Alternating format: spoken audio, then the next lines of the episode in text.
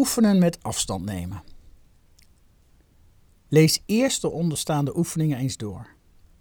Je zult denken dat ze een beetje vreemd zijn, omdat ze ingaan tegen je gevoel en je verstand. Dat is ook niet zo gek, want daar zijn ze speciaal voor ontworpen. Dus als je ze leest, let dan op je hagel die jouw max aan je geeft. En doe de oefeningen vervolgens toch. Want niet jouw max is de baas over wat je doet, dat ben je zelf. Koosnaam voor je verstand. Een manier om te leren erboven te hangen is door de stem van je verstand een koosnaam te geven, zoals Max. Zeker als je bereid bent er echt mee te werken, er tegen te praten en er af en toe een verhaal over te schrijven. Kies bij voorkeur een naam van iemand die je je herinnert, maar die geen echte vriend van je was of is. Het mag best iemand zijn die je vaak vertelde wat hij vond. Of wat hij vond dat jij moest doen. Doe het tegenovergestelde van wat je denkt. In de stap de invloed van je verstand heb je al geoefend met iets geks doen en niet geloven in wat je verstand je daarbij zegt. Om hiermee op een ludieke manier te oefenen kun je bijvoorbeeld ik kan niet lopen tegen jezelf zeggen tijdens het lopen. Of ik vind deze thee vies terwijl je hem drinkt. Doe dat vandaag of morgen vier keer. De denkbeeldige smaak van een citroen. Kijk eens rustig een halve minuut naar het plaatje van de citroen. Stel je nu voor dat je de helft van de citroen rustig in je hand pakt. Stel je voor dat je hem uitknijpt, langzaam in een glas, en dat je daar dan een grote slok uit neemt. Neem je even de tijd voor.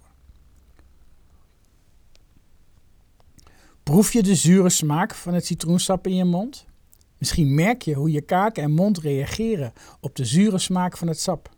Merk je dat je ogen een beetje knijpen en dat er speeksel in je mond komt? Niet iedereen ervaart dit, maar veel mensen wel. De grap is dat er helemaal geen echte citroen is. Je beeldt je alleen maar iets in. Alleen al door die gedachte denkt je verstand dat het een echte prikkel is en laat het je lichaam daarop reageren. Dat is een voorbeeld van er helemaal in zitten.